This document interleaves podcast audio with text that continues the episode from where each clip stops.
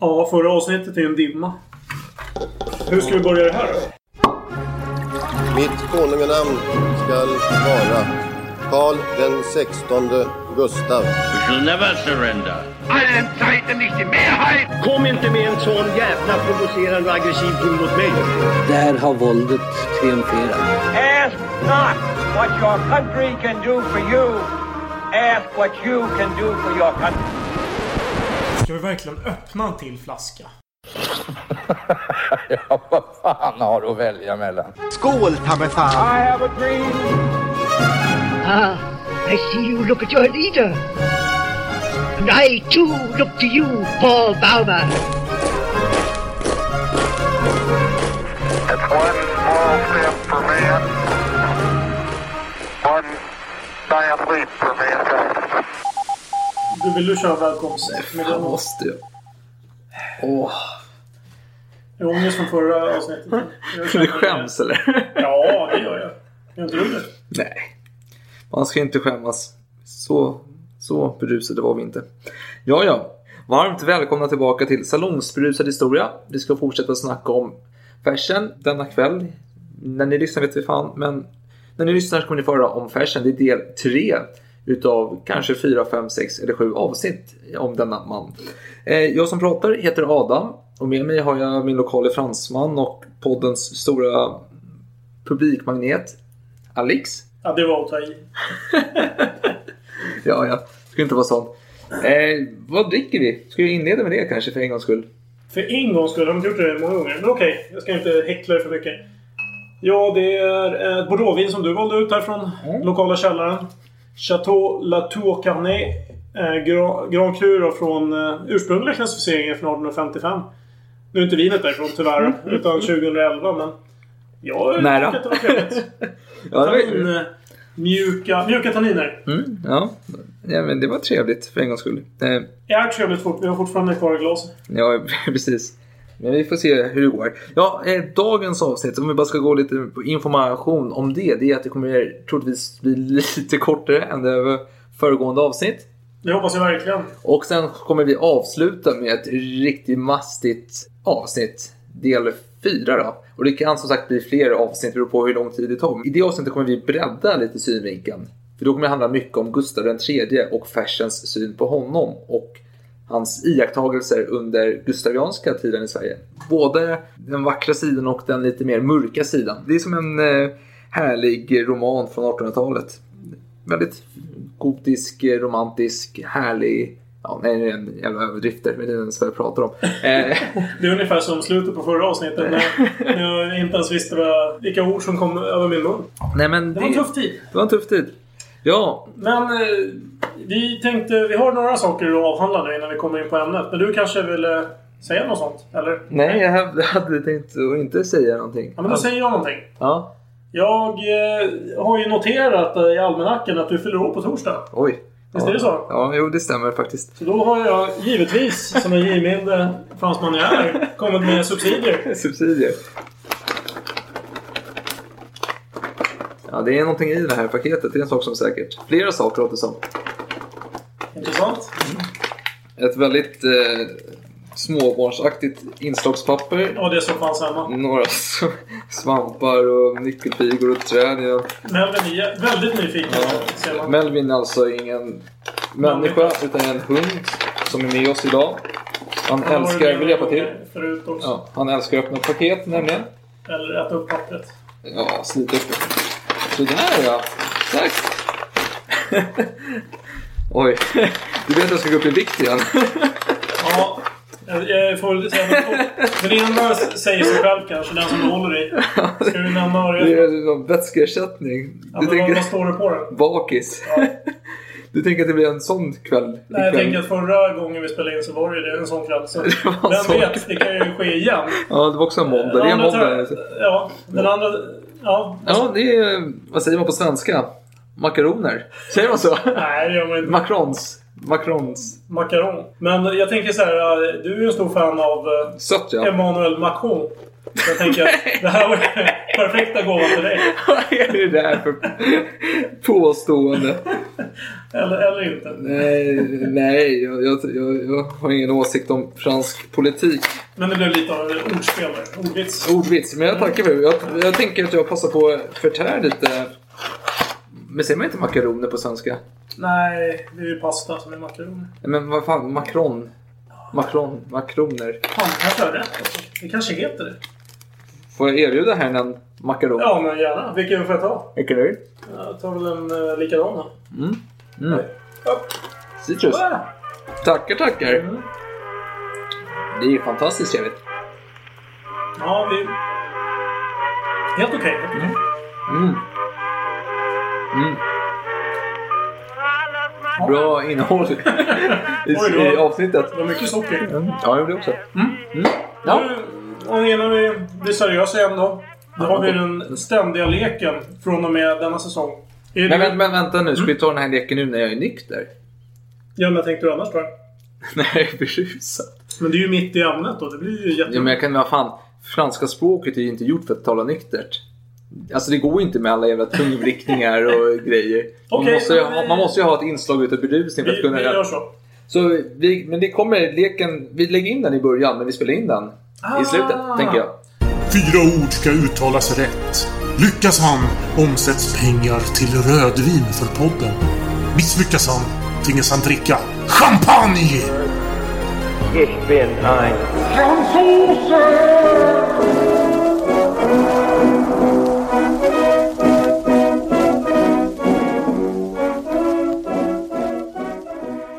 det här är ju kul. Nu är man ju lite full också. Det gick ju hyfsat förra gången. Ja. Eh, Men jag kan bättre. Jag, jag kan bättre. Och nu är jag, nu, vi spelar in detta i slutet utav avsnittet och vi kommer lägga det i början av avsnittet. Jag har en fördel att jag är lite berusad och det är lättare att prata franska när man är full. Aha, du hade en baktanke. Ja, det är det. för Du ville skjuta på leken. Ja, jag ville skjuta på leken. Ja. Och men tack vare detta fulspel så fick jag ett väldigt enkelt ord utav dig här. Jag kan bokstavera det för er lyssnare.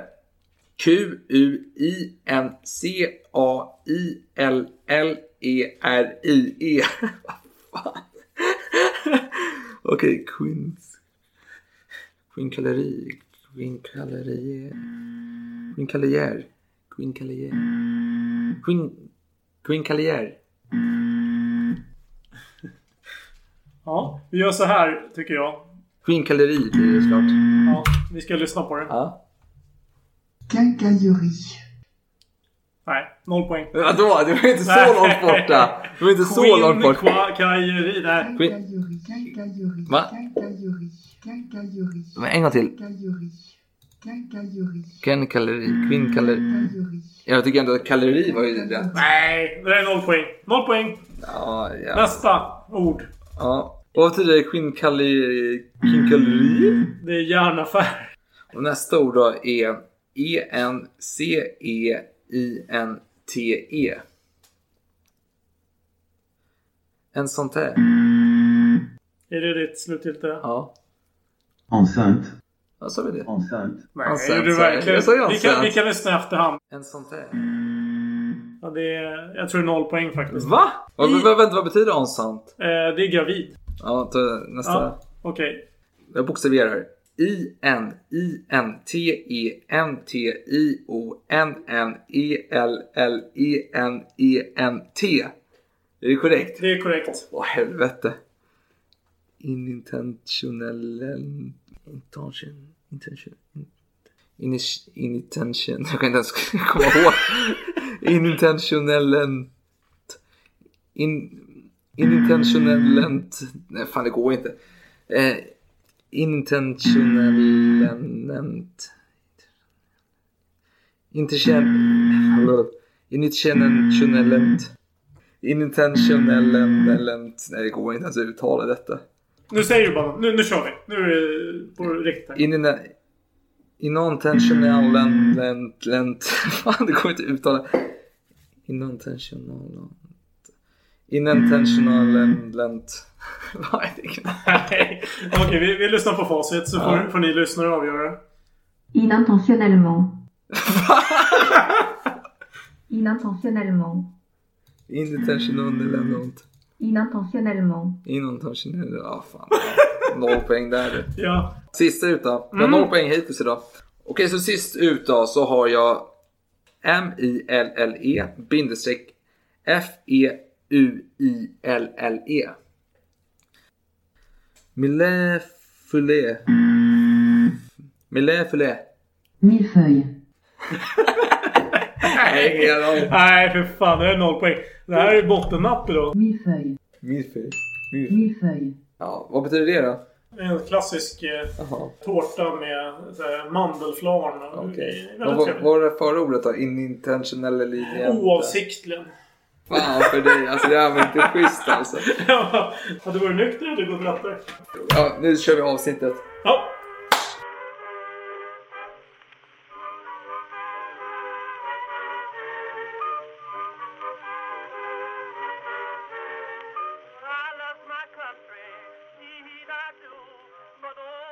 Mm. Du smaskar klart.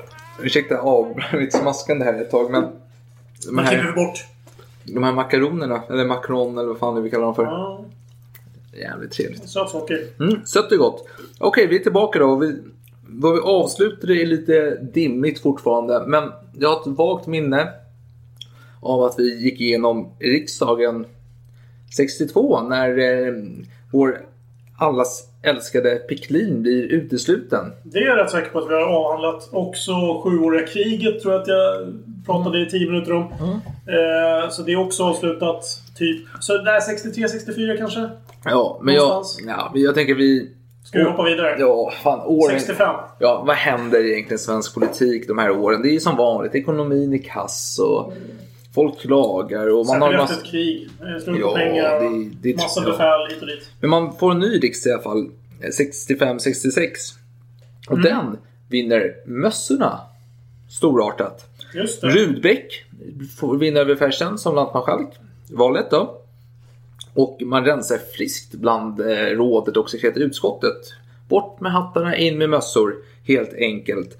Och de franska krafterna i världen, det vill säga de som sitter och pungar in massa pengar till hattpartiet, börjar bli ganska upprörda nu. För nu så hade vi haft 62 där. Man har ju lyckats eh, göra lite rävspel och ändå fått in hattarna i makten och gjort det bra ifrån sig. Och då har man ju investerat massa pengar här och sen nu helt plötsligt så fan, de, alla hattpartister i rådet är bara borta. Lurar på konfettin. Ja, Fersen är såklart är kvar såklart och han är lite pralinen i själva tårtan här. Eller vad man säger. Han är rosen i prinsesstårtan. Så... Som ingen vill ha. det är det alla bråkar om. Men fransmännen älskar marsipan, onekligen.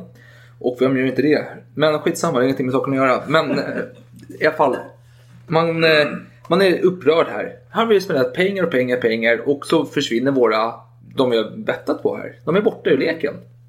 Det här är ingen trygghet. Det här är inte bra.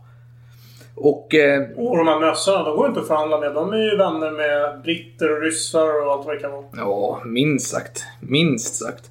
Och ja, fransmännen, vad vill de ha då? Jo, men de är lite mer inne på en engelsk, vilket är komiskt nog, en engelsk monarkistuk. Man har ett, eh, kungen kan bestämma lite saker som ett råd som, med ministrar som sitter där och är, har sina fasta positioner. Så 1766 kommer en ny fransman och tar över utrikesfrågorna på hemmaplan i Frankrike, det vill säga i Paris sitter han med Ludvig XV. Han heter Etienne François de Choiseul. Yes! Full pott. Och han vill ju som sagt att Sverige skulle ha någonting mer att säga till om. Så nu är det dags att dra i hårdhandskarna. Vi kan inte sitta med en silkesvante. Vi får ta fram eh, knogjärnet här helt enkelt. Och vad innebär det i praktiken då? Jo, det är att man eh, vill ha en statskupp. Man pratar med eh, kungafamiljen. Och kungafamiljen har alltid varit lite dragit sig åt mössorna. Men nu är det så att mössorna har tagit mer makt ifrån kungafamiljen. De vill inte alls samspela med dem. Så då har ju kungafamiljen och hovpartiet dragit sig mot hattarna. Och hattarna är flera partister där som är missnöjda och har dragit sig mot hovet. Och så det är ett ganska splittrat parti i många anseenden. Men det innebär att man har börjat samarbeta med varandra. Så Fersen här, frihetsivraren, samarbetar med kungafamiljen. Och då säger fransmännen vi ska ha en statskupp. Och Fersen säger nej, det ska vi inte alls det. Vi ska... Kronprins Gustav III säger yes! ja, verkligen. Han är som Super Mario när han får en svamp där. Han, är, han blir väldigt storbystad här för stunden. Men Fersen tänker att nej, det ska, vi ska gå genom riksdagen.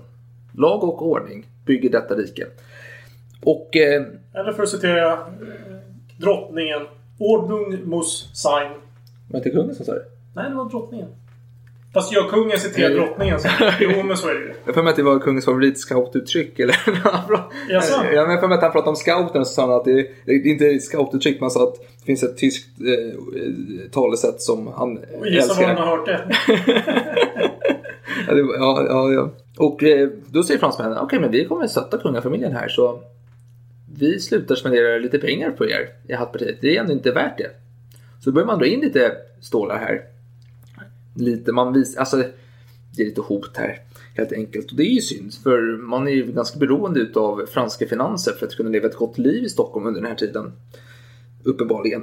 Men eh, då är det så här att eh, hur ska det här se ut då? Man planerar och planerar. Gustav pratar med Fersen på tu man hand. Han pratar med sin mor som är lite Ja, hon är väldigt så här, ja men vi ska ta makten här. Och Fersen säger att men den här familjen är inte så, de är inte så älskvärda. Alltså de har inte det här, det som krävs för att göra detta. Det var inte Fersens mor va? Utan det var Nej, nej, det var Gustav III:s IIIs mor. Ja, jättebra att du förtydligar det. Och ingenting hände. Gustav III blir rasande. Han dras i håret som matadorerna i Tjuren. Han vill att det ska bli en statskupp. Men fransmännen inte, de vill ha det men de backar undan lite. Och det är, det, ingenting sker konkret. Fersen är inte ett skit tycker Gustav III. Han säger bara, han påstår att han sitter och håller på och förlustar sig med fru Ribbing eh, hela tiden. Men det som inte Gustav III vet, det är att Fersen är högst aktiv, inte med Ribbing utan med politiska förehavanden. Han sitter och snackar med den nya franska sändebudet för Havencourt som var den franska ambassadören åkte iväg där vid 65 någonstans. Nu har vi hoppat fram något år till 68 då den nya franska ambassadören Modern kommer. Då. Och eh, Fersen har pratat med eh, Modern och eh, Modern vill ha en statskupp, han har den franska linjen. Fersen vill ha via riksdagen, man ska gå via lag. Så det skär sig där. Och då säger Fersen, ja men jag måste samtala med övriga i Hattpartisledningen här. För vi ska kunna komma överens. Så vi bokar tid och möte, han är väldigt eh, ordningsam här Fersen. Det ska vara, man bokar en tid här. Och så återkommer vi. Så gick, gick de hem till varsin stuga. Och Modern då, han är inte den som är den, han är fransk, han är väldigt smart, smartare än alla andra i hela världen uppenbarligen. Så han passar på att samtala med de här eh, hattpartisterna i ledningen. Han vet ju, vad lockar hattpartist? Lite subsidier, lite snack, bra. Och de kommer med att, ja men fan vi stöttar det här förslaget om att vi tar en statsgrupp istället för att gå via riksdag. Jättebra. Okej, sen okej, men nu måste vi få det på print också. Så då har man ju det här bestämt bokat möte med Fersen och hela hattledningen. Och när den någon kommer så kommer Modern där och lite kaxig kommer in där. Lägger, jag antar att han lägger fram sitt papper och skriver under. Men då... Nej, så osmidiga. Det kommer en fin flaska rödvin först. Visar upp etiketten för alla närvarande. Ja. Och sen tänker han, jag kan öppna flaskan när jag har skrivit under så kan vi fira. Eller? Ja, det är mycket rimligt. Mycket rimligt. Han är ju smart. Han är en fransman. Men ingen är smartare än Fersen. För Fersen har lurat Modern. Han har redan pratat med den här hattledningen. Så när Modern ska komma och få sin triumf här. Ja men vad har hänt då? Jo, hattledningen har ändrat sig. Alla står på Fersens sida. Så Modern är helt chockad så här. What? Eh, och de bara ja.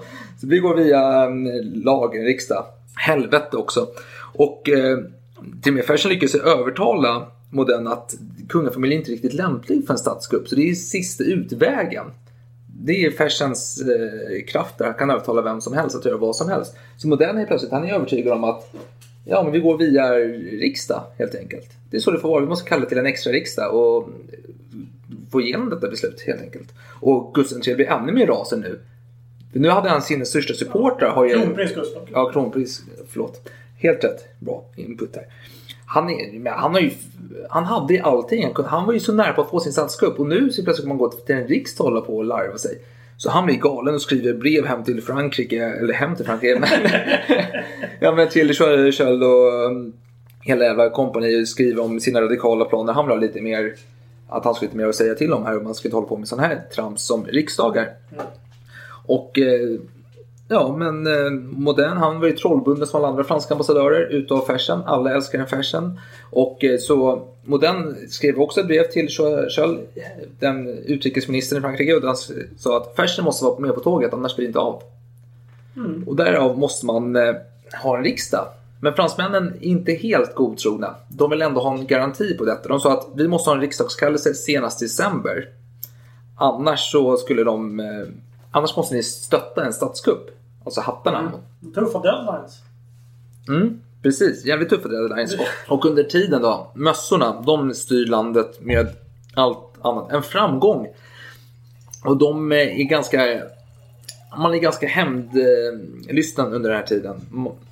Man ger igen på de som styrde innan en och åtalar folk till höger och vänster. Så mössorna bestämde sig för att åtala Kammarkollegiet som var en, ett centralt ämbetsverk. Där det för det mesta satt mössor, nej förlåt, hattar och styrde.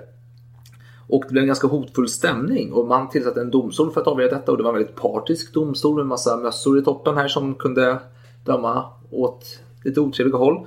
Så då, nu såg man sin chans att få den här riksdagen för mössorna vill inte gå med på att tillkalla en ny riksdag.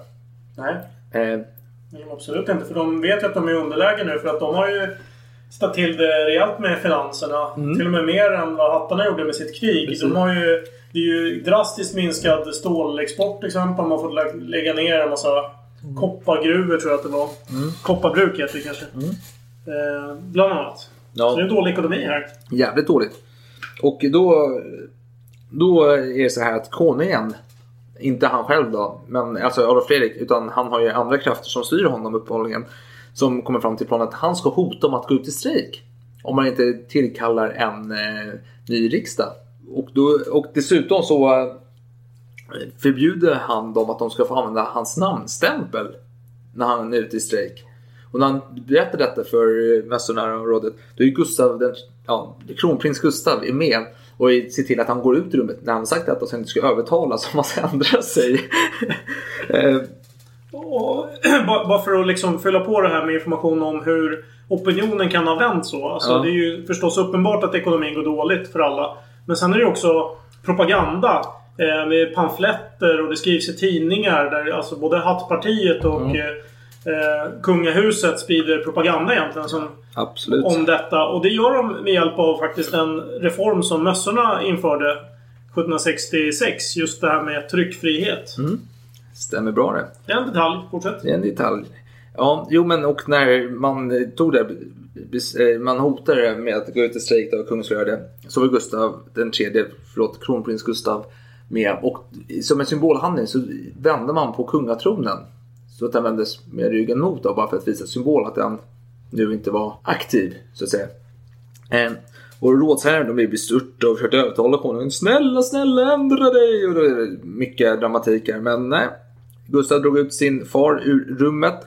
Och eh, Gustav, det är han som gör saker här, inte hans far. Eh, så Gustav gick till ämbetsverket. Och övertalade dem att inte använda eller acceptera dokument med namnstämpeln på från kungen. Utan eh, nu är det här på riktigt. Han är inte aktiv längre. Han har gått ut i strejk. Och eh, ett tag därpå så deklarerade fyra kollegor att eh, råd, eh, inför rådet då, sa de att nej men eh, grundlagen enligt den så anser vi att vi är försatta ute i overksamhet. Tyvärr, vi kan inte göra någonting. Och då försökte man muta stadsgarnisonerna med skattekontoret vägrade betala dem då. Och Fersen och eh, som ledare för livgardet tillsammans med Ehrensvärd som var överste för artilleriregementet. De gick fram till mästaren och sa nej men vi kan inte, tyvärr inte längre garantera säkerheten. Nej, för deras soldater blir inte avlönade. Nej. Så rådet kastade in sin berömda vita handduk och eh, tillkallade en ny riksdag.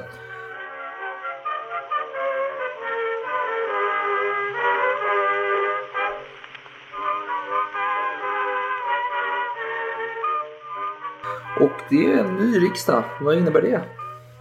Det innebär att det är en ny landmarskalksval. Nya problem. Det kanske också. Ja, för vi har en liten annan grej här på väg. Det är en liten illbattning som är tillbaka i politiska scenen som har suttit Är på... det Peklin? Det svinet.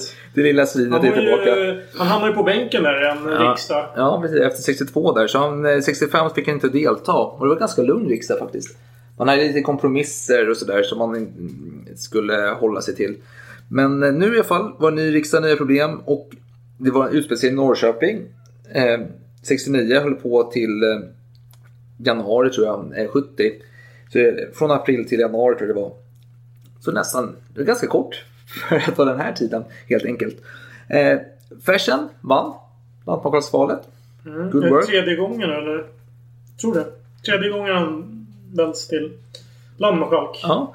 Och nu hade han, eh, nu var inte Hattpartiet han styrde ända, så nu hade han en allians med H-partiet att Mm. hålla reda på. Och de hade ju en deal här. Precis. De ska se över författningsfrågan. Ja. Som liksom högsta prioritet. Precis, fransmännen och kungen vill gå tillbaka till Gustav Adolf den stores dagar. Alltså tillbaka i tiden. Och Fersen tänker att, nej men fan, det sa ju 1720 va? Inte längre än det. men nu är frågan, den stora frågan är ju författningen då, hur den ska vara. Och, och det var ju en del av dealen då att kungen skulle protestera och allt vad det var. Just att han skulle få mer makt. Mm. Så att det här var ju... Nu var det dags för Fersen att leverera här. Precis, men Fersen är en pragmatiker utav rang som man säger. Eller han blivit påverkad av Peklin.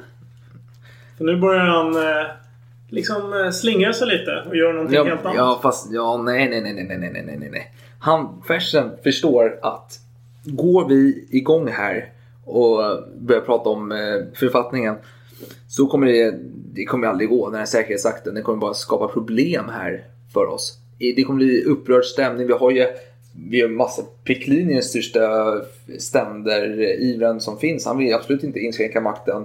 Nej, och säkerhetsakten är inte förenings, förenings och säkerhetsakten som kommer och- senare. Nej, nej, inte blanda ihop dem. nej, nej. Kungen vill också, han tycker ändå att vadå, jag ska kunna ha, jag kan styra över inrikesfrågorna och så har jag en eh, vetoröst här i, eh, när det kommer till lagar. Det är väl schysst. Och det vill man absolut inte ha här. Vad är det här för ett dygn? Jag tycker eh, Peklin och Fersen och company. Det här, det, här är, det här är ett steg åt fel håll. Lite mer inflytande kan du få självklart men Ja, men nu gjorde han ju då inte som man kom överens om med kungaparet och, eller för den delen kronprinsen. Utan nu valde han istället att ta upp finansfrågor Mm. först. För han ville... Precis, det här är pragmatiskt. Han vill veta vad han får. Alltså han vet att jag vill, det här måste vi ordna. Vi måste ta den här frågan först och folk fortfarande lite är glada på varandra. Sen är de förbannade och kan inte ta författningsfrågan och Ja. alla kommer vägra. Och, Precis. Ja. Eller det kommer inte finnas tid för det helt enkelt. Mm. För det är ju så det blir. Alltså man förhalar ju den här Mm. författningsändringen. Så man kan ju tänka sig att Gustav, kronprinsen, inte kan ha varit särskilt glad nu. Så Nej. man brutit mot avtalet. Och det blir väldigt mycket tjafs i den här riksdagen. Det ska man ju nämna. Ja. Och vi ska nämna att Peklin är en hattpartist här, men han är en expert på att förhala frågor och eh, vara förjävlig och agitator. Ja, men han, Nej, det vet jag inte om han var. Nej, men han är en ag- agitator. Det är, det är han expert på här. Men en dag till en annan så går han från att vara hattpartist till mösspartist. Och han har lite mer, lirat lite med ryssarna på sidan och fått 100 000 för att varva ett antal bra lirare i sitt lag som han kan sitta och ha med. Och så han, han blir en av ledarna av mösspartiet helt enkelt. Med, tillsammans med Rudbeck. Och mösspartiernas stora problem har enligt eh, Göran Norrby då, är att de har varit för dåliga på att eh, organisera sig mellan riksdagarna. Men nu så har de... Eh, Peklin, han är en lagspelare här nästan. Men han, han vet hur man styr upp en organisation. Så han vill ha lite... Man ska kunna göda folk mellan riksdagarna och se till att de har det bra och diskutera och mötas och käka ostkaka och allt vad man gör. Så han bjuder alla på middag? Ja men precis, han har trevligt och så här. Men han slutar inte bara med att sitta och hänga med ryssarna utan han väljer också att eh, han har tre prisklasser. Som han säljer ut till danskar och britterna och ryssarna. Eh, då kan vi ta så här exempel då. För 30 000 engelska pund så kan han eh, försvara regeringsformen. Som den är i nuvarande form. För, för 72 000 pund kan han tvinga hattarna till förlikning och få in lite mössor i spelet här. Och för 120 000 engelska pund kan han ta bort hattarna ur sekretariatutskottet och göra majoritet i mössorna. Och de här utländska intressena de nöjer sig med den här 72 000 kronors klassen, mellanklassen. Det här, det här låter ju som typ så här, spelmotor, vet, när man, datorspel. Ja. Så om du betalar här så får du den här saken. Ja, det är vansinnigt. Det är Peklin alltså. Men eh, om jag går vidare på mitt exempel här, att det var tjafs i riksdagen och... Ja. Vid, vid något tillfälle var det så högljutt att man kunde inte höra sig själv prata i stort sett. Ja. Så Fersen han orkar inte till slut, så han går därifrån. Som sig bör. Så mössorna de ropar att eh, den första greven ska ta över lantmarskalksplatsen och fortsätta debatten. Han är typ som någon slags talman, den Lantmarskalk. lantmarskalken. Ja men det måste man säga, första greven, som ni minns från föregående avsnitt så var det ju en Brahe, Erik Brahe, som blev eh, Glutinerad. Glutinerad blev han absolut inte. Men han blev eh, avrättad i alla fall.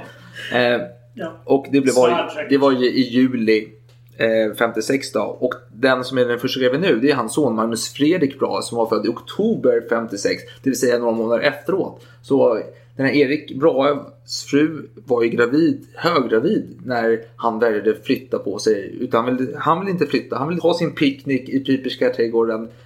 Och det blev hans död. Spännande sidoanekdot. Ja men det är viktigt. Han offrade...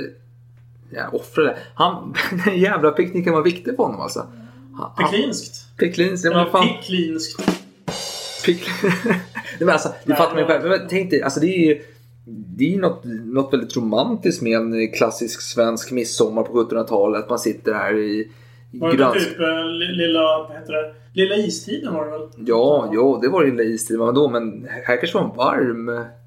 Istid. Nej, men varm midsommar. Så den nya första greven är alltså Magnus Fredrik Brahe. Okej, och nu, nu flyger vi flygplan tillbaka till 1769 och den här eh, väldigt högljudda... Debatten om säkerhetsakten i riksdagen. Ja, fast jag tror inte att det är riksdagen. Jag tror att det är i... ehm, Riddarhuset. Riddarhuset, precis. Ja. Och nu är det så jävla högljutt och folk är förbannade och eh, farsan har gått därifrån. Och nu hotar man med att ta över hans talmansplats. Och då kliver en hjälte fram. Jakob Magnus Sprängporten. Klassiker. Han bara hoppar över bänkarna och skriker högljutt att jag ska hugga ner alla som vill ta lantmarskalkens plats. Han är stenhård alltså. Jag tänker att han har så här lite för tight tröja, lite för bra stora biceps. Pulsådror som bara eh, tuggar fragda liksom. Ja, Sprängporten känns lite som Hulk. Ja, lite. The Hulk. Okej, vi kommer ifrån ämnet. Men det, det var i alla fall det var den tiden. Det var så det såg ut ibland på de här debatterna. Ja. Ni kan ju tänka er själva. Det var ju någon av de här riksdagen som pågick i 21 månader. Jag vet Ja. inte exakt vilken det var. Mm. Men skitsamma. Det, är- det är liksom oändligt Ja. käbbel. Nu i alla fall så eh, efter, efter den här riksdagen, vem var det som vann? Ingen! Kan man tycka. Hovet, de hade missat sin eh, chans att få mer makt. Det blev inte av. det blev förhalat. Som sagt. Eh, Hattpartiet, sen- ja, de hände inte så mycket med dem. Mössorna, förlorat. Den enda vinnaren var egentligen Peklin. Men hattarna vann väl ändå makten igen? Jo, de vann ju makten, men de är, alltså, de är splittrade, mer splittrade än någonsin här. Eh, Hattpartiet. Och Peklin, han kan sitta och casha in totalt. För han kräver ju från, jag tror ryssarna, runt 54 000 för att bara hålla sina människor i schack liksom, så att han kan underhålla dem. Eh, och nu, börjar, nu lackar ju fransmännen totalt. Vad har vi investerat i? Jävla dynga. Och Fersen, han kräver ju pengar. För nu har ju eh, Modern gått ut och vi får in en annan fransk ambassadör här på plats. En eh, Vergen. Vergen, Vergen, ja. Vet inte varför. Han låter nästan som Fersen. Vergen. Vergen, och Vergen tycker att vi ska, vi ska pröjsa Fersens subsidier. Det är skitbra. Fersen, Fersen. Det säger sig självt. Vilken allians. Precis. Dynamiska duon. Och, eh, och han tycker att vi ska hålla oss till Fersen. Men eh, fransmännen på hemmaplan, Churchill i spetsen tycker att vi har fått nog. Vi stryper nu bidragen till hattpartiet. Så nu är fashion fattig här. Eller alla hattar är fattiga här. Och eh, franska kungafamiljen bjuder ju mer eller mindre över kronprinsen till Paris för att förlusta sig i nederlaget. Så han kommer dit lite bitter, jävlig. Men han får då gå- på opera, äta gott, se balletter och hela kittet. Och han, blir lite, han får lite energi här. Och då kommer vi till en mörka dagen i februari 1771. För vad händer då? Då avlider dessvärre den salig konung Adolf Fredrik av förmodat slaganfall. Efter tiden har sagt att det är på grund av hetvägg eller semla. Eh, Jag har försökt gå till botten med detta så jag har eh, konsulterat obduktionsprotokollet från den tiden. Är det okej om jag äter upp den sista makronen? Ja, gärna. God Ja, ja, alltså. ja, visst. Jag kan, jag kan prata om från... Jag kan citera obduktionsprotokollet medan du äter. Ja. Magen stor och utvidgad. Som sig bör. Till utseende rödsprängd. Mest på sidan emot mellangärdet. Magens ådror av blod uppdrivna. Inuti magen funnos lämningar av mat. Dels något smälte. Dels ännu i mindre stycken som ej börjat förvandlas. Bla, bla, bla, bla, bla, bla, bla. Småtarmarna vore uppdrevna av väder.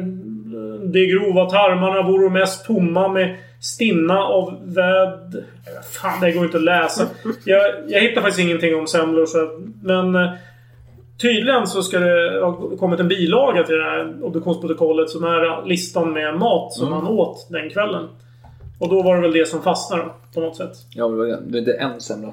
Men det står, om man ska kort summera obduktionsprotokollet så nämner de ju här att man måste känna till hans historik. Alltså Adolf Fredrik. Han, han var liksom... Han hade lite hälsoproblem. Han Ja. Han dog i Fersens armar och de andra rådsherrarnas armar. I lugn och ro. När de ströp honom till döds. Nej, vem vet. Det är en Agatha Christie-deckare det.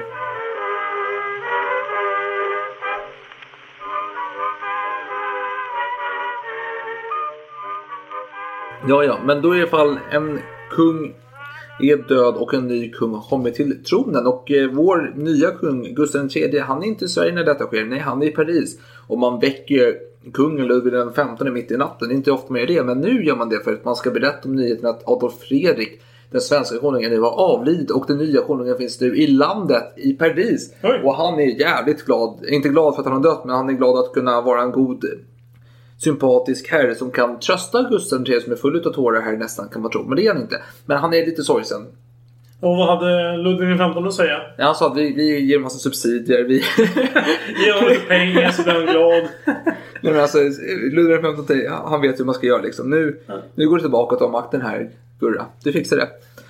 Gurra. Ja, men Gurra fixar allting. Ja. Och, Och det gör han också. Ja, det kommer vi snart till. För den 25 juni 1771, ja men då är det en ny riksdag helt enkelt. Det är riksdag hela tiden i frihetstiden Sverige. Härligt med mycket riksdagar. Och det är lite kanske det som är syftet med just den här riksdagen. Att eh, få in honom här, någonstans inviga honom i eh, Härligheten. Sveriges styre. Eller härligheten. Ja, eller härligheten. Som det kan vara synonym för om man är lagd åt det hållet. Men i alla fall. Och då vissa krafter. Då är det sista vinet här för då är det ditt Oj, oj, ja, är det är sant. Du har rätt i. Fan. Du Ja. vinner denna runda. Ja, för att citera Gustav III. Eh, vi kommer till nästa avsnitt. Okej, men i alla fall. 25 juni 1771. Ny riksdag som sagt. Som vi nämnde tidigare ska Gustav III in och köra ett skönt tal här. Han ska nollas i riksdagen. precis. Men eh, Fersen, han ställer inte upp som lantmarskalk. Nej, no no Peppe. Och en hovpartist, Axel Leijonhufvud, vinner själva landmarskalksvalet. Hör och häpna. Och Gustav III då, han ska hålla ett skönt tal här. Han har förberett sig länge. Han glider upp där. Skön avslappnad attityd. Men ja... Han födde upp. Say what? Ta det där igen. Säger Gustav så här. Ja, när jag är född och uppfödd bland eder har jag alltifrån det spädaste år lärt mig älska mitt fädernesland och anser den största lycka att vara svensk och den största ära att vara den första medborgaren bland ett fritt folk. Ja, det är skönt att vara en fri människa i ett fritt folk. Mm. Lå- låter lovande för framtiden. Vem kan tro att någonting kommer ske snart? Ingen. Och eh, nu blir det, blir det jävligt jobbigt här för nu kommer massa ofrälse riksdagsmän här från Vänsterpartiet in och de eh, började höras och höras och höras. De ville leva rövare. De ville helt enkelt ta bort adelns... eh, Privilegier. Ja. Frihetstidens, eller vad heter det? Nej. Eh, upplysningstidens ideal.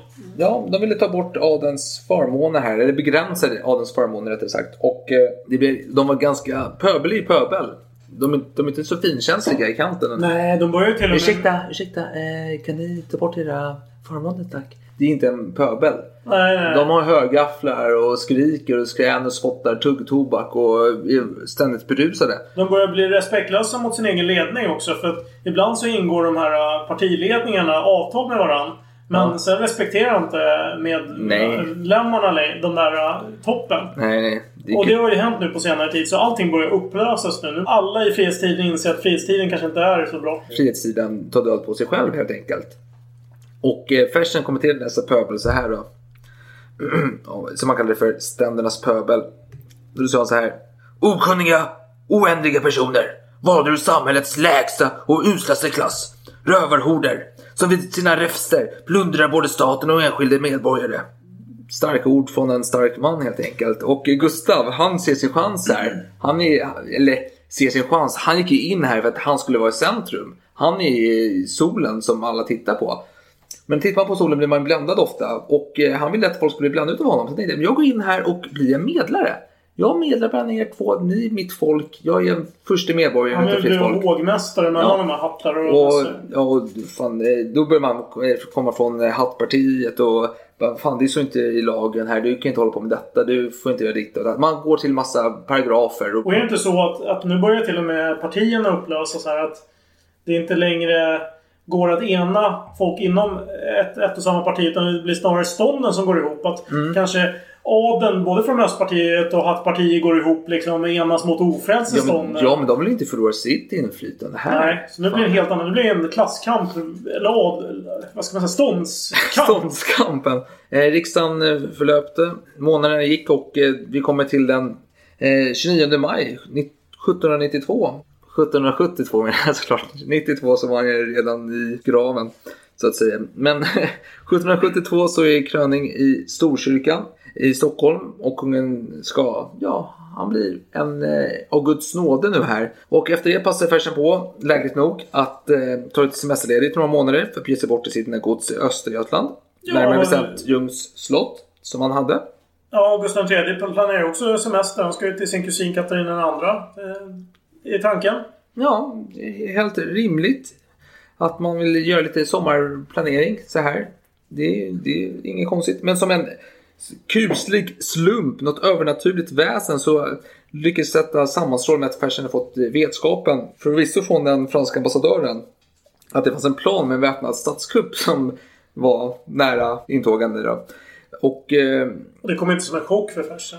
Nej, det visste man ju om. alla tänkte att det är slut på frihetstiden nu. Nu är det bara... Ja, det är bara att vänta in liksom. Nu kommer det annat.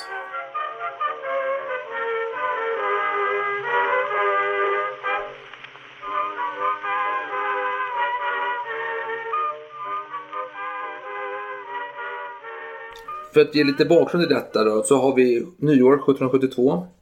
Några sköna adelsmän skapar en ny klubb som får namnet Svenska Botten. En realistisk klubb som ganska snabbt fick franska subsidier. Efter att de ropade “Botten upp!” Precis. till eh, franska ambassadören. Ja, fransmän gillar ju fyllon. Eh, och det fanns ju någon ny fransk ambassadör här på plats. Nu har jag glömt hans namn. Men de eh, byter ganska ofta sändebud i Sverige utan konstig anledning. Kanske var för att alla fastnar för fashion direkt och sprider sina innersta planer för fashion. Mycket möjligt. Jag vet inte, jag bara spekulerar. Och de var i alla fall, det här svenska botten var pro-kungen, de var pro-adelsförmåner och de var för ett starkt försvar, klassiska värdegrundsfrågor för ett konservativt parti under tiden. Och eh, Men de hatar Fersen. men de hatar fashion enligt vissa rykten. Oklart varför helt enkelt. För vem kan hata en sådan vacker, eh, älskvärd person? Men fransmännen verkar ju också hata Fersen eftersom de gärna ger den här klubben pengar. Ja men det är för att de vill se en kungamakt. De är trötta på frihetstiden Sverige. Men i alla fall, led- efter ryssarnas eh, ingrepp där via mössorna. Ja, absolut, absolut. Men ledare för den här gruppen var Jakob Magnus Sprängporten, vår klassiska Hulk här. Som försvarade Fersen några år tidigare. Nu är han helt plötsligt eh, hans största motståndare.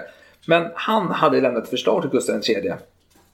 Han skulle starta en resning ute i Finland.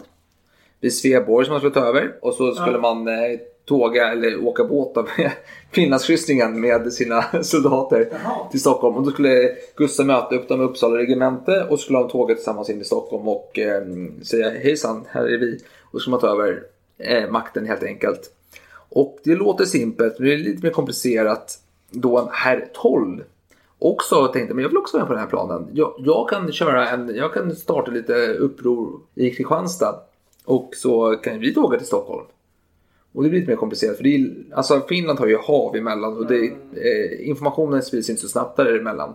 Där kan man spärra av, eller där kan man kapa förbindelserna men landvägen är lite mer komplicerad. Och svängporten ja han gillar att spränga portar.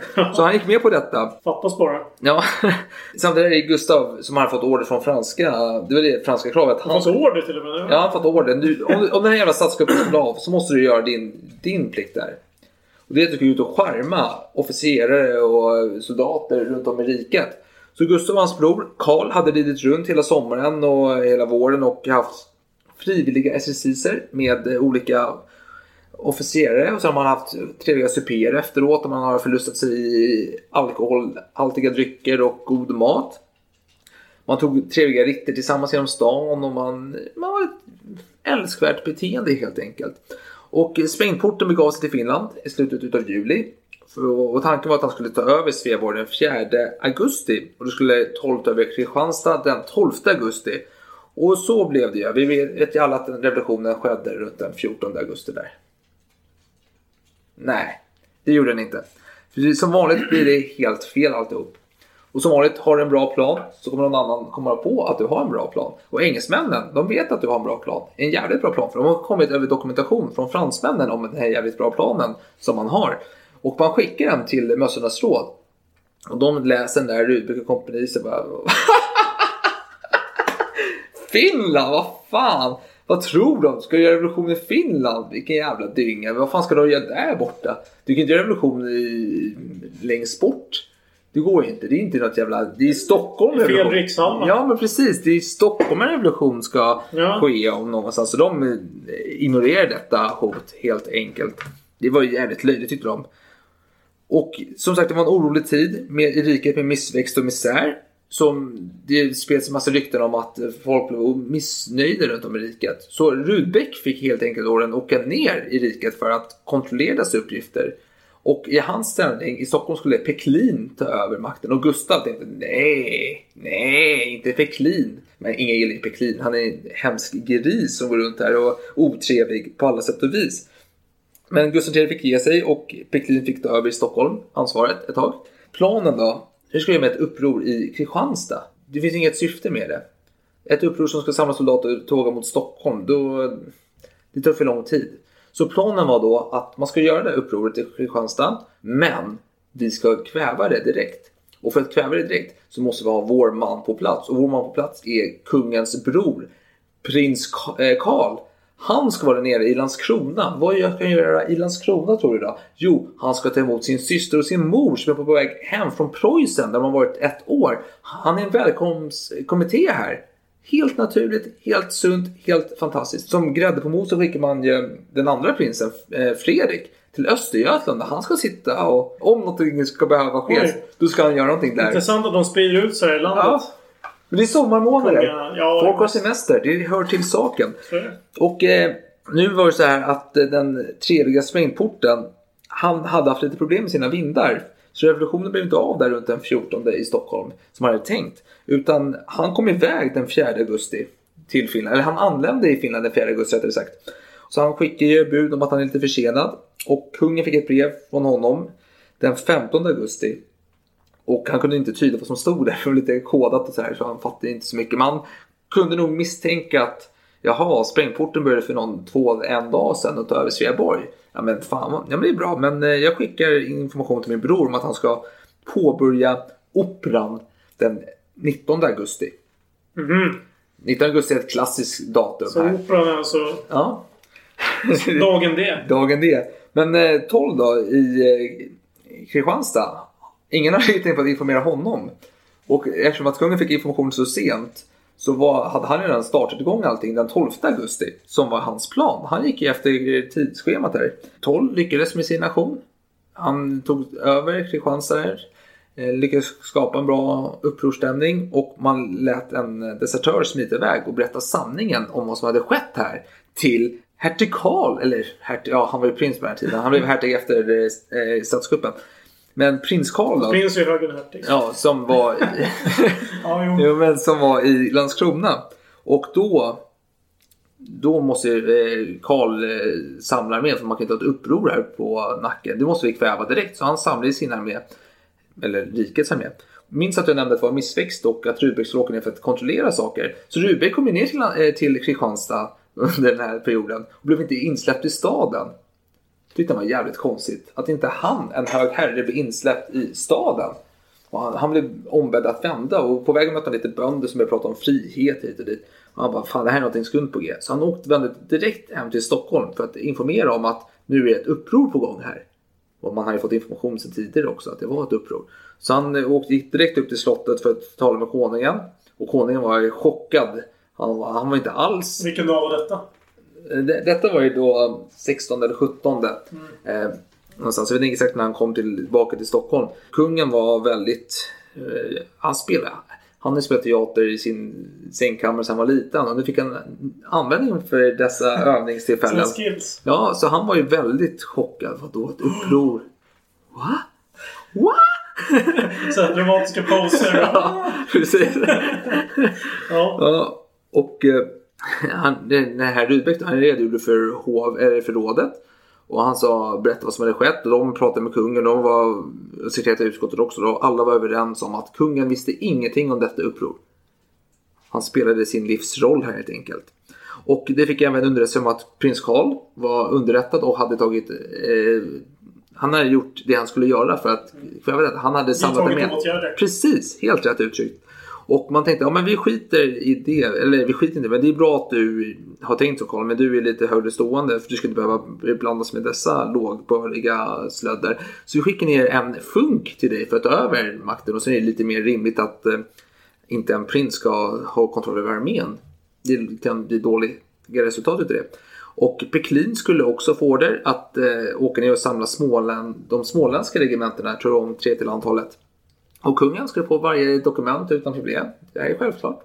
Och Kungen eh, ombads att återkalla sina bröder till Stockholm. För man ville centrera dem då. Och det var inga problem alls. Och eh, mössorna med Peklin spetsen var ändå lite misstänksamma mot konungen. De har ändå fått underrättelse innan och det är någonting som inte stämmer här. Så de tänkte, men vi sätter honom i Gripsholms slott. Eller i alla fall husarrest på slottet.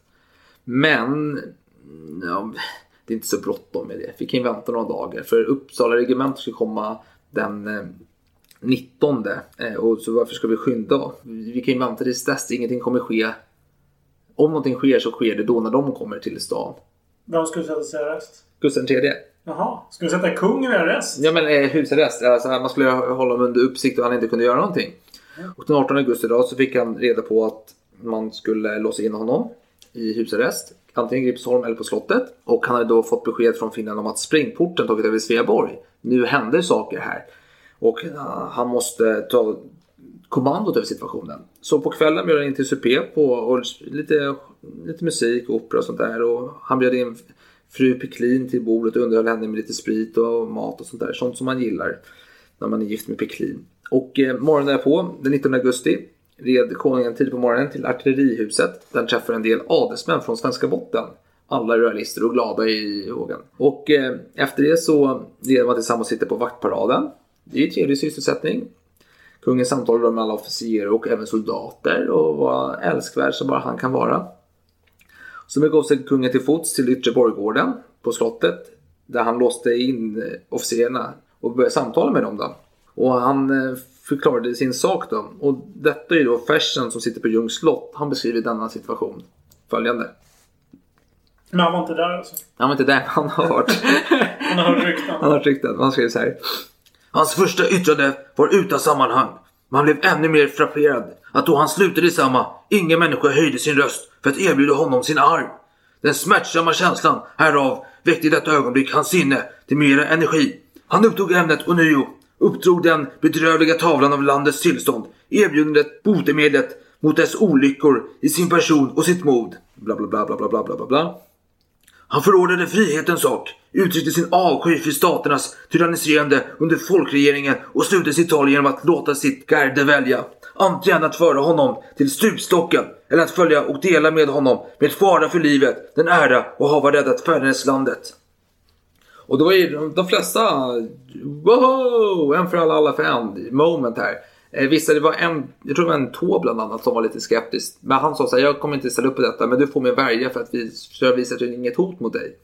Och kungen, och kungen accepterade detta och tyckte det var trevligt. Och samtidigt som detta skedde så hade mössorna, rådet där, de hade lite sammanträde och så tittade någon ut genom fönstret. Ja, det är någonting som verkar ske där ute. Så var någon där i rådet bara, ja men det är, jag har gett order till soldaterna att göra någonting. Det är ingen fara. Och sen plötsligt så låses man in i det här rådrummet. Det var, kungen kom ut, pratade med vakterna, ladda era vapen, skaffa vapen, lås in dessa jävla rådsherrar i rummet. Och det var faktiskt eh, en horn som låste in de rådsherrarna. Då. Och mycket, fler saker skedde såklart. Vilket kan inte in på detaljer. Men eh, bland annat Skeppsholmen i Stockholm som ligger bredvid Blasieholmen. Där var det mycket möss eh, sympatiserade sjöofficerare. Men man lyckades upp eh, Bron. bron. Tack! så man kunde inte fly dit. Så Peklin, han skulle åka till Småland i alla fall. Men han tänkte fan nu måste jag åka dit och samla sjö- sjöofficerare och någonting. Men nej, den var uppfälld den där bron. Och så han eh, försökte gå till Rudbeck. Rudbeck var inte hemma. Så han lyckades, på något, alla, på något konstigt vis lyckades han ro sig bort och fly från riket. Från riket, från riket, från Stockholm. Och när han kom till Södertälje så hade man ju fått order att man skulle gripa honom. Då kom en liten hjärta efter honom och sa stopp, stopp, Beklin, stanna. Du, du återvänder till Stockholm, du är gripen. Och Beklin bara, jaha men du är en Fänrik och jag är Beklin liksom. Har du papper? Och det hade han ju inte. Han hade inga papper. Och Peklin hade order från kungen om att han skulle sammankalla Smålandsregementena. Så han sa, jag, kan, jag kommer inte låta mig gripas på en fänrik ord. och så drog han vidare. Slut tar. Och eh, Rudbeck då, nu, kungen rider ut då till eh, stan och eh, han har en vit näsduk runt vänster arm och eh, med dragen värje och jubel och klang i varje hörn. Folket älskar den här mannen. Äntligen slipper man dessa jävla korrupta frihetsivares tyranniserade välde. Nu får vi en riktig klassisk svensk monark på plats igen. Länge leve konungen. Rudbeck då? Han var överståthållare i staden och han sprang ut i ren förtvivlan. Och Fersen skriver så här då. Han sprang omkring och ropade till folket att försvara friheten. Folket, som var mycket mer hängivet konungen än ständerna, gjorde narr av honom. Han vände sig till statsvakten och befallde den giva eld på gardet. Dessa fattiga usingar svarade honom att de ej hade någon ammunition, ej sen flintor i deras gevär. Han sprang därifrån till konungens stall och förbjöd i ständernas namn att lämna ut hästar till konungen. Adresserade sig till en stalldräng som svarade att det ej lydde någon annan än stallmästaren. Han mötte ett testament av borgerskapet till häst som han befallde försvara friheten. Men befälhavaren själv hatt och av konungens parti svarade baron Rudbeck att om han ej aktade sig kunde han kanske få sabelhugg i huvudet och fortsatte på sin väg ropandes Leve konungen!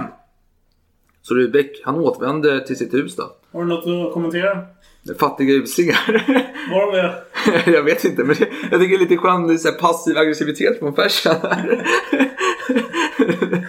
Han ser inte rakt ut men han tycker ändå att de är fattiga uslingar som inte kan försvara friheten. Ja, men, och eh, väl inne, Rudbeck han beger sig hem, super med några vänner. Kungen skickar en order om att han ska gripas och så en eh, Casimir Ebenhaupt kommer och griper honom och för honom till fångenskap. Och i alla fall, eh, kungen hade i alla fall många anhängare och en av dem var Fredrik Horn. Och Fredrik Horn, eh, många tänker nog kanske på Horn som eh, var med i komplotten mot Gustav IIIs liv några år senare. Detta är alltså hans far, Fredrik Horn. Ja, så här skriver Fersen om hans insats under dessa kritiska ögonblick. De flesta personer som understödde konungen i revolutionen och vilket därav deras nit till obetänksamhet och löjlighet hade ej fått förtroende om företaget förr än dagen förut eller samma morgon det verkställdes. Detta hindrade ej att flera av dem påstod sig hava gjort det mesta och att utan deras biträde hade allt misslyckats. Bland deras antal var general baron Fredrik Horn utan annan talang än över allt tvivel höjd tapperhet. Uppblåst av en föga vanlig fåfänga trodde han sig vara statsman, fältherre och stor talare. Han tillbringade revolutionsdagen till häst, att tilltala folk i alla gathörn. Det förnämsta innehållet av dessa tal bestod i att lovorda sitt nit till att tjäna konungen och riket. Han förklarade sina åhörare att han ej mer hette Horn, men hädanefter ville kalla sig Gustavs vän. Han pratade som många dumheter och ytterligheter, att konungens sak därav hade lidit, om detta vore möjligt att skada den i denna stund. Det syntes som hade baron Horn modererat sig på Monsieur de Beaufort under Pariserkriget. Han begick så många dumheter av detta slag under denna korta tid han hade befälet i Stockholm att konungen blev ganska embarrasserad att bliva av med honom. Så har ju då hon gått runt och gjort sig till åtlöjlig helt enkelt. Och baron Beaufort, eh, ja hur man uttalar hans namn, det är mannen som försökte mörda den röda eminensen. Kardinal Richelieu på 1600-talet. Eh, och flytt till Paris, eller till England och sen kom tillbaka till Paris. Jag tror att han Jag är lite är osäker men för att han... 1600-talet. så han 70 år senare sen i Sverige och härjade. Så är det du försöker Nej säga? men att eh, hon försökte vara honom. Jaha, ja, ja. Mm. Eh, och han, han var ju en, eh, en frondera. Alltså Beaufort var en utav, eh, om, om det här är franska inbördes civilkrig, vad säger Ja, man? ja, ja, det Frondé under... eh, Från alltså mellan adelsmän och kungamakten. Precis, under efter eh, Westfalska freden där det var väl 10-20 år någonting det håller på. Eh, ja men i alla fall, dagen därpå skickade kung Gustav brev till de gripna rådsherrarnas fruar för att förklara att de är, ingenting kommer att hända dem. De kommer inte bli avrättade som eh, Erik Brahe här utan det är lugn och ro. Du behöver inte vara rädda. Fersen säger då själv att eh, han berättar dessa anekdoter inte för att de är viktiga eller för att hylla konungen utan för att påvisa själsnärvaron hos konungen i denna stund samt vilket storslaget företagande detta var. En revolution som inte krävde blod. Och vad gjorde Fersen själv under revolutionen? Han jäste på sitt gods. Självklart. Sina ägor i Östergötland, Ljungs slott. Konungen hade skickat en order om att arrestera honom. Hon hade ju också sen en, någon dag tidigare fått order att bege sig till Stockholm. När man började märka att nu kanske en revolution är på G här. Eller när man märkte att eh, det här upproret i, lands, i eh, Kristianstad var.